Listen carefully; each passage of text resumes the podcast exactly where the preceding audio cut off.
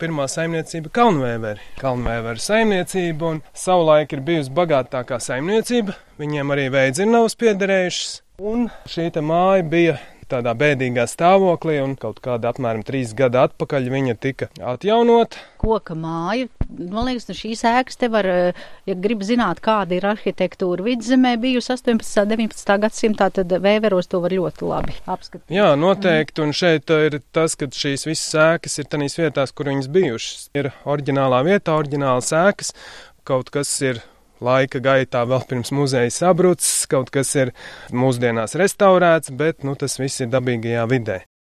Skati piebalgā skaisti, kalni un lejas, bet zeme, lai ļaudis pabarotu skopa. Tāpēc te peļņas avots ir amatniecība, vērpjamo ratiņu izgatavošana vai, kā senāk teica, ratiņu drejāšana un aušana. Un tieši par audēju darbu, par šīs puses izgudrotājiem un dzirnavniekiem, staigājot pa vēveru mājām, būs šis stāsts.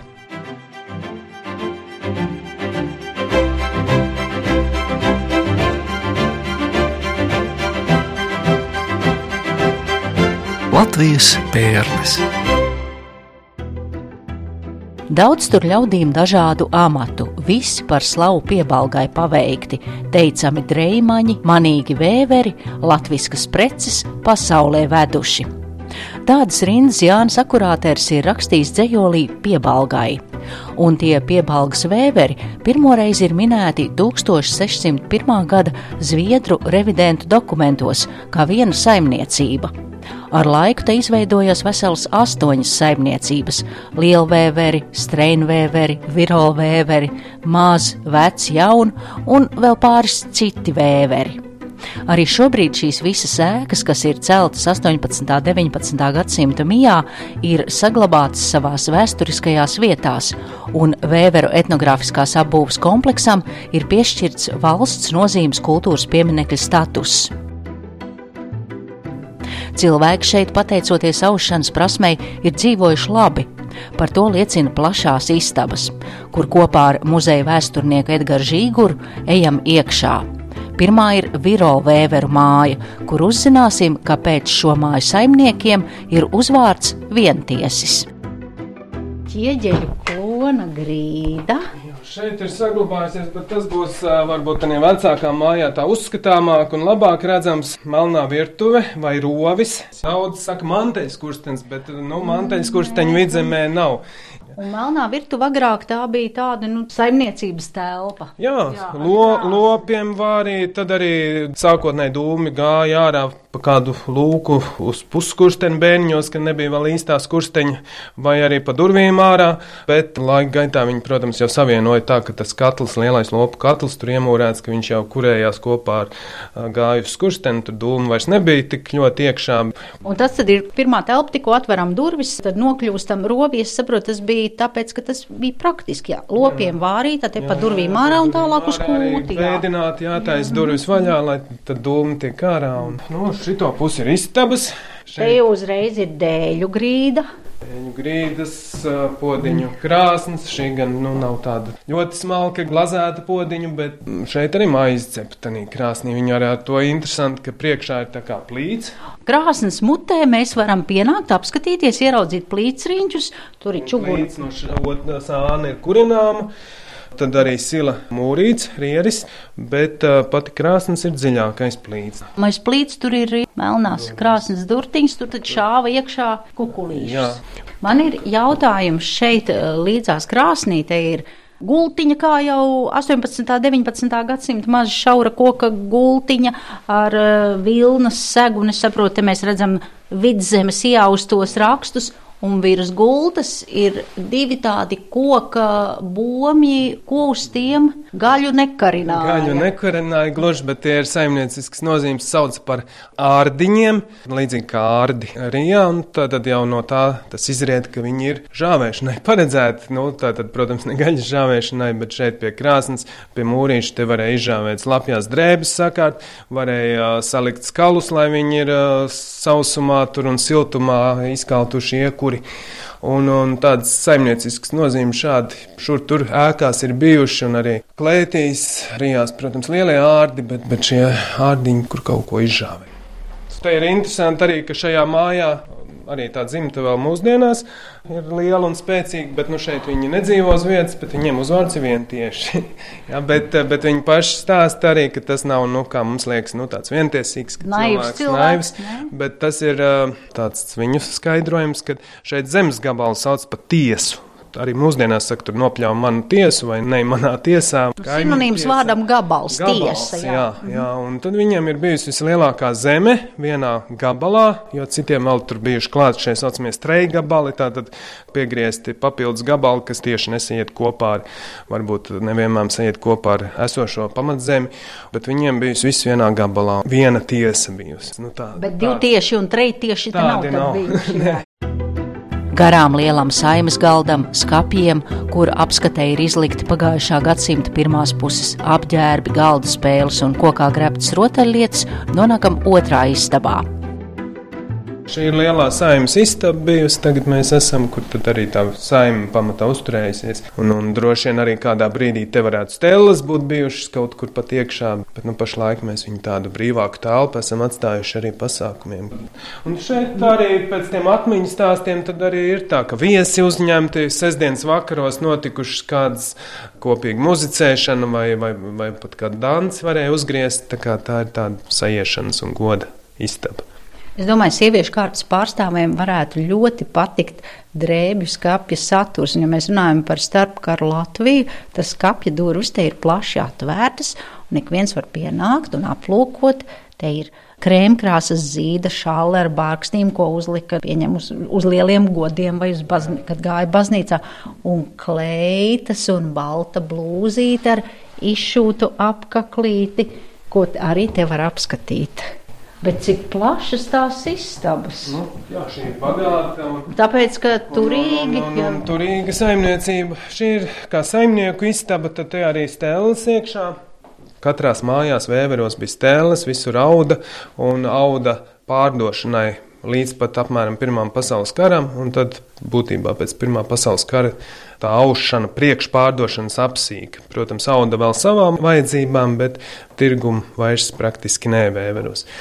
Bet nu šeit jā, tas tēls ir kā saimnieka galā, kur arī tad var cilvēki piesēst un pamēģināt aust. Bet tas vārds vēberi jau nāk no vācu. Vārds vēberi nozīmē audējs. audējs jā, nu tieši tā. Vai tas vēveru vārds ir sākotnēji tā radies? Jo, nu, interesanti, jo tie vēveri jau pirmo reizi minēti 1601. gadā. Zviedru revīziju materiālos, Zviedri, var teikt, pirmie tādi pirmie birokrāti lielie ir, kas veic tādu smalkāku uzskaiti. Latvijā, nu, vidzemes daļā, kas viņiem pakļaut, un tad ir vēberi minēti. Vai tolaik jau šeit 600. gados ir tauduši, ka ir bijis tas vēberu nosaukums, nu, mēs varam tikai minēt. Varbūt viņam ir kaut kāda cita cilme, varbūt kaut kāds vāveres bijušs, ja kur ierakstīja vēberi, un viņiem saprotamāk, ja to mēs, tas tādas spekulācijas būtu par to tēmu, bet, bet, nu jā, tā skatoties to vēsturi, kas mums zinām 19. gadsimtā, tad Vēberi ļoti cieši saistās ar aušanu, ar audējiem, un to vārdu arī nu, tādā nozīmē mēs skaidrojam.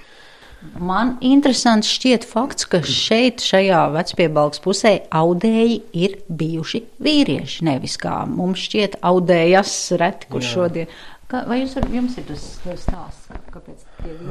Tas bija tas peļņas amats. Tas jau vairāk mūsdienās tāds stereotips, ka sieviete auž, jo tas ir nu, vairāk varbūt tā tāds hobijs vai kādam varbūt arī kaut ko nopelnīja, protams, audējis, kas ir augsts klases, bet, bet tanos laikos tas bija iztikas avots, jo šeit piebalgā ir tā, ka ar to lauksaimniecību ir tā nevisai. Ir kalni, lejas, purviņi, dīķīši, kalnos māls, atkal dzīves, kur nekas prātīgs neaug un ar to lauksaimniecību bija diezgan grūti.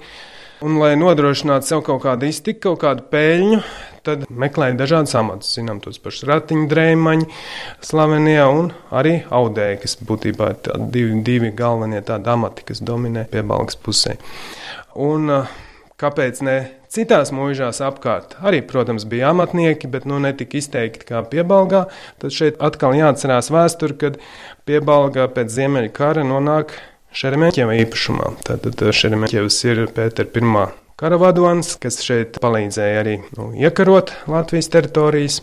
To laiku. Un Pēters I atdāvina piebalgu, jauno un veco piebalgu, tagadējo jaunu piebalgu, vecu piebalgu savam karavadonim. Šeit tā mūžas padarīšana ir maigāka, stipra nekā vācu mūžās. Pats Šermeņķevs uz vietas neatrodas, viņš ir Pēterburgā, šeit ir kāds pārvaldnieks. Tā interese varbūt ar tur nav un tā kontrola tik liela un uh, tiem zemniekiem tiek dots daudz lielākas iespējas pašiem pelnīt. Galvenais ir nomaksāt, nu, kā tagad saka, nodokļus, jā, nodevas samaksāt. Līdz ar to šie piebalgas zemnieki varēja diezgan brīvi domāt, kā viņi nopelna to naudu. Ja viņi ar lauksaimniecību īsti tur nevar nopelnīt, tad bija blakus nodarbs jāmeklē, un tad ir šie amati un tad aušana. Un, protams, nu, vīrietis ir tas naudas pelnītājs, un tad vīrietim arī bija tā aušana jāorganizē un jāvada. Protams, tas nenozīmē, ka sievas nesēdēja stelēs un nemācīja aust, viņas auda un, un, un daudz auda, bet nu, vīrieši bija tie, kas tur gudroja kādus tos musturus, tur aust, kas būs noejošākā prece, kur vest uz tirgiem, labot tāpat visus gan stēles, gan un visus piedarumus, kas pie tās aušanas vajadzīgs, arī kaut ko izgatavot, protams, arī tirgot to visu. Jaunpiebalgas dzirnavā audējs Jānis Štāls šīs dienās atskatījās uz 30 darba gadiem. Štāls ir viens no nedaudzajiem piebalgas audējiem, kas visu mūžu palicis uzticīgs savam darbam. Garajā mūžā viņš ir noaudis vairāk kā 75,000 metru dažādu audumu. 1914. gadā ieguvis pirmo godalgu par sieviešu drēbes audumu līdz ar atzinības rakstu. Jaunības dienās štāls vienā dienā rokas stellēs ir noaudis 33 metrus. Šādas rindas mēs varam lasīt laikrakstā Brīvā zeme 1938. gadā. Bet līdztekus aušanas prasmei šo māju saimnieki ir arī lietā likuši prātu un paši izdomājuši un izgatavojuši dažādas saimniecībā nepieciešamas lietas nu, tāds saimniecisks gals, kur neapkurināja, tad, tad dažādus darbus varēja veikt, piena darbus, tā skaitā uzglabāt arī piena produktus, ka bija vēsāks laiks. Tā. Ļoti interesanti uzparīgt, kaut kāds kapājamais. Ak, te kaut ko ne, kaut kāds sēņu kapājamais, nē, sēņu. Nē, tabakas griežamais ir tas. Ir tas. Jā. Šeit ir tāda ierīce, kuras mums muzejā ir vairākas, nu ne tieši šādas, bet visādi izgudrojumi. Jāsaka, tas stāsts ar to, ka šeit šī dzimta, kas dzīvoja, vientiešu dzimta, ir bijuši tādi lieli izgudrotāji. Nu, nepavēlti viņi arī Dzinavs spēja paši uzcelt, bija pat maketi uztaisīti, daudz dažādu priekšmetu, kas nav tādi, teiksim, etnogrāfiski, kas nav raksturīgi, varbūt, nu, ikdienai vidzemē vai piebalgā, bet, bet viņi ir, nu, izgudroti. Varbūt pat, pat vienā eksemplārā un daļa pat mēs īsti nezinām, kas tas tāds bijis. Bet šis te ir darba kārtībā, un arī tāds izgudrojums tā ir ābolu griežamā iekārta, te uzliek uz nagliņas ābolu. Un, un tad ar tādu izskatās, ka tā kā kuģa dzēns skrūve. Jā. À, vienkārši un, un nospiež uz leju, kas ir atsperētāts koka tureklis, jā, rokturis, un ar to, kas izskatās pēc mazas dzenskrūves, sadalā bolu ar jā. vienu cirtienu seši gabali. Jā, un tad var likt žāvēties, kaltēt vai kaut kur tur vārīt vai nu kur nu vajag. Racionalizēt. Jā.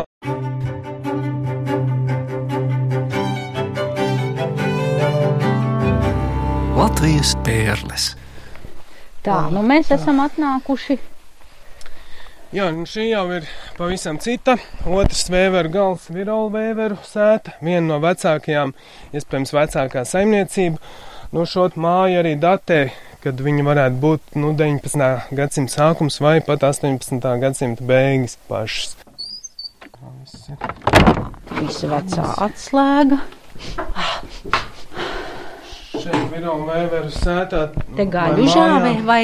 Nē, šī ir arī tā melnā virtuve vai rogas, kas tur bija.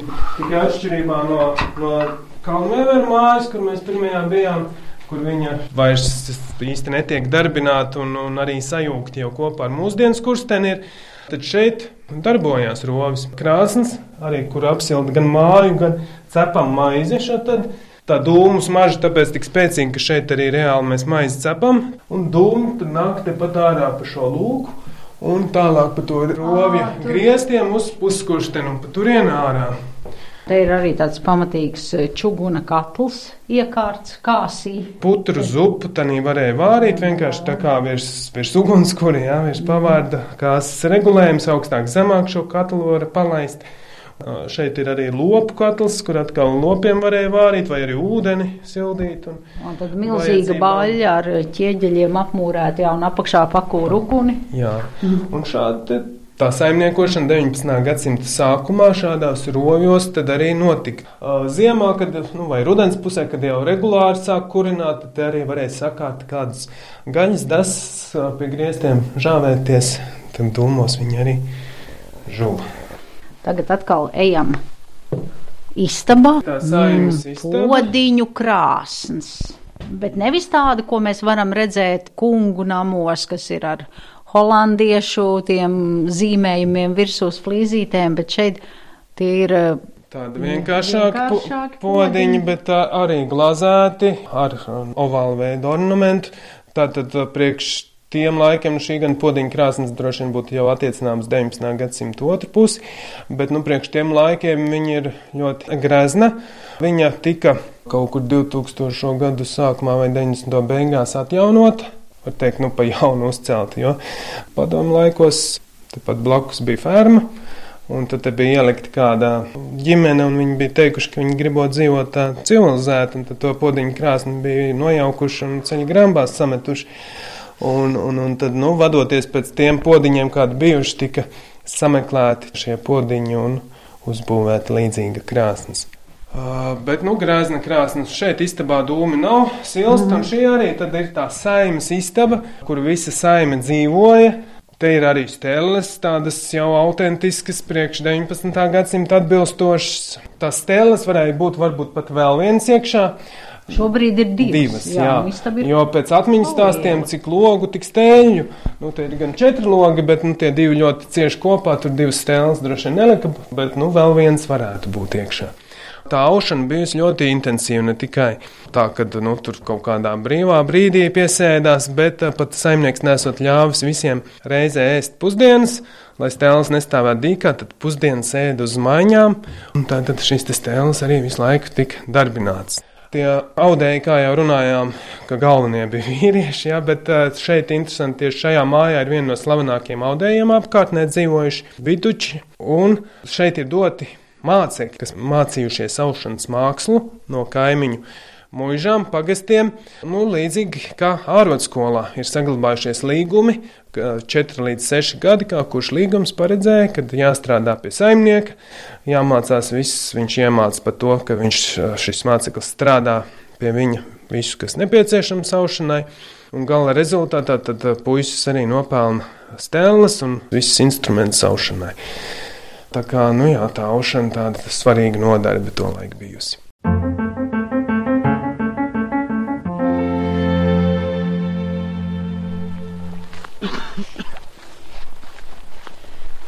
bijusi. Tagad mēs tuvojamies vēveru pudura dominantei, pašam ievērojamākajam objektam - veidzirnavām. Kalnē. Arī viss no lubiņām tās veicinās klātas ar. Viņas ir apšūtas. apšūtas. Tur, protams, ir dēļu apšūmas apakšā horizontāls, bet apšūtas ar šīm skaidām vai lubiņām. Un tāda bija piederējuši kalnvēveru saimniekam. Aptuveni jau tāds precīzs dats nav, bet nu, pēc šiem arhīvu materiāliem varam secināt, ka apmēram 1870. 80. gadu laikā holandiešu tipa veidzinājums. Tas ir apakšā mūra stāvs, ir pamats, ir no mūra veidots, un tālāk ir tilts vai galerija, un pašas ir no koka taisītas. Viņas bija augšā, uziesim arī attēlus, bildes redzēsim. Tā vēsture tāda, ka viņas darbojušās apmēram arī līdz šim Pirmam pasaules karam, un pēc tam viņas ir, kā lielākā daļa arī veidzina Latvijā, tad ir gājušas eh, zudībā, jā, var teikt, vairs nav darbinātas, un kaut kas pamazām kurināts kopā, kaut kas uh, brucis, kaut kas tā un šitā, kamēr beigās bija gandrīz tāds caur tikai tornis torņa paliekas. Tad uh, muzejs, kad pārņēma uzlika tādu pagaidu jumtu viņam, un tāds tornis te arī stāvēja līdz pat kaut kur 2007. 6. gadam, kad sākās tādi atjaunošanas darbi. Pirmais stāvs Dažkārt pat šo neskaiti īsti pa stāvu. Saka, kā stadula. Šeit zirgiem brauc iekšā ar visiem pajūgiem. Graudu maisus pieāķēja pie striķa. Un pa tādām lūkām, kas varās uz augšu, rāva augšā līdz pat priekšpēdējiem stāvam. Nu, ja skaitām šo kā pirmo, tad līdz ceturtam stāvam tie ir pieci stāvi. Kāpēc tik augsts, kāpēc tik daudz stāvu? Ir dzirnavas arī, protams, zemākiem stāviem mazāks, bet tas ir, nu, jo augstāks dzirnavas, jo viņām ir vējš labāk pieejams. Reku, te jau ir viens gaņģis, un te ir arī stendi, kur šīs dzirnavas, kur ir attēli. Dzirnavu cēlājs un melderis Jānis Vienties ap 1912. gadu fotografija. Tas ir tas saimnieks. Jā. Bet, nu, jā, šeit mēs varam redzēt gan tās, tās dzirnavas, kādas viņas izskatījās pirms tiem atjaunošanas darbiem, gan arī Nu, un otrā pusē ir bildes, kur atkal redzam šo atjaunošanas gaitu ar tādiem mūsdienu līdzekļiem, ceļam krāniem. Un...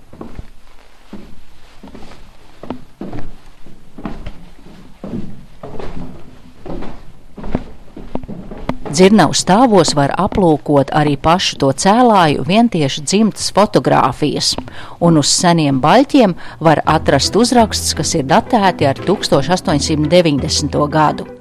Tikai, ja pošaties uz vēveriem, tad labāk laikus piezvaniet un piesakiet ekskursiju, jo iespējams, ka muzeja darbinieki tajā brīdī kaut kur strādā plašajā muzeja teritorijā un var nepamanīt piebraukušos turistus. Starp citu, muzejs strādā katru dienu. Es saku paldies par stāstījumu etnogrāfiskā brīvdabas muzeja filiāles vēveri muzejniekam un vēsturniekam Edgaram Žīguram, un raidījumu veidoja Zane Lāce.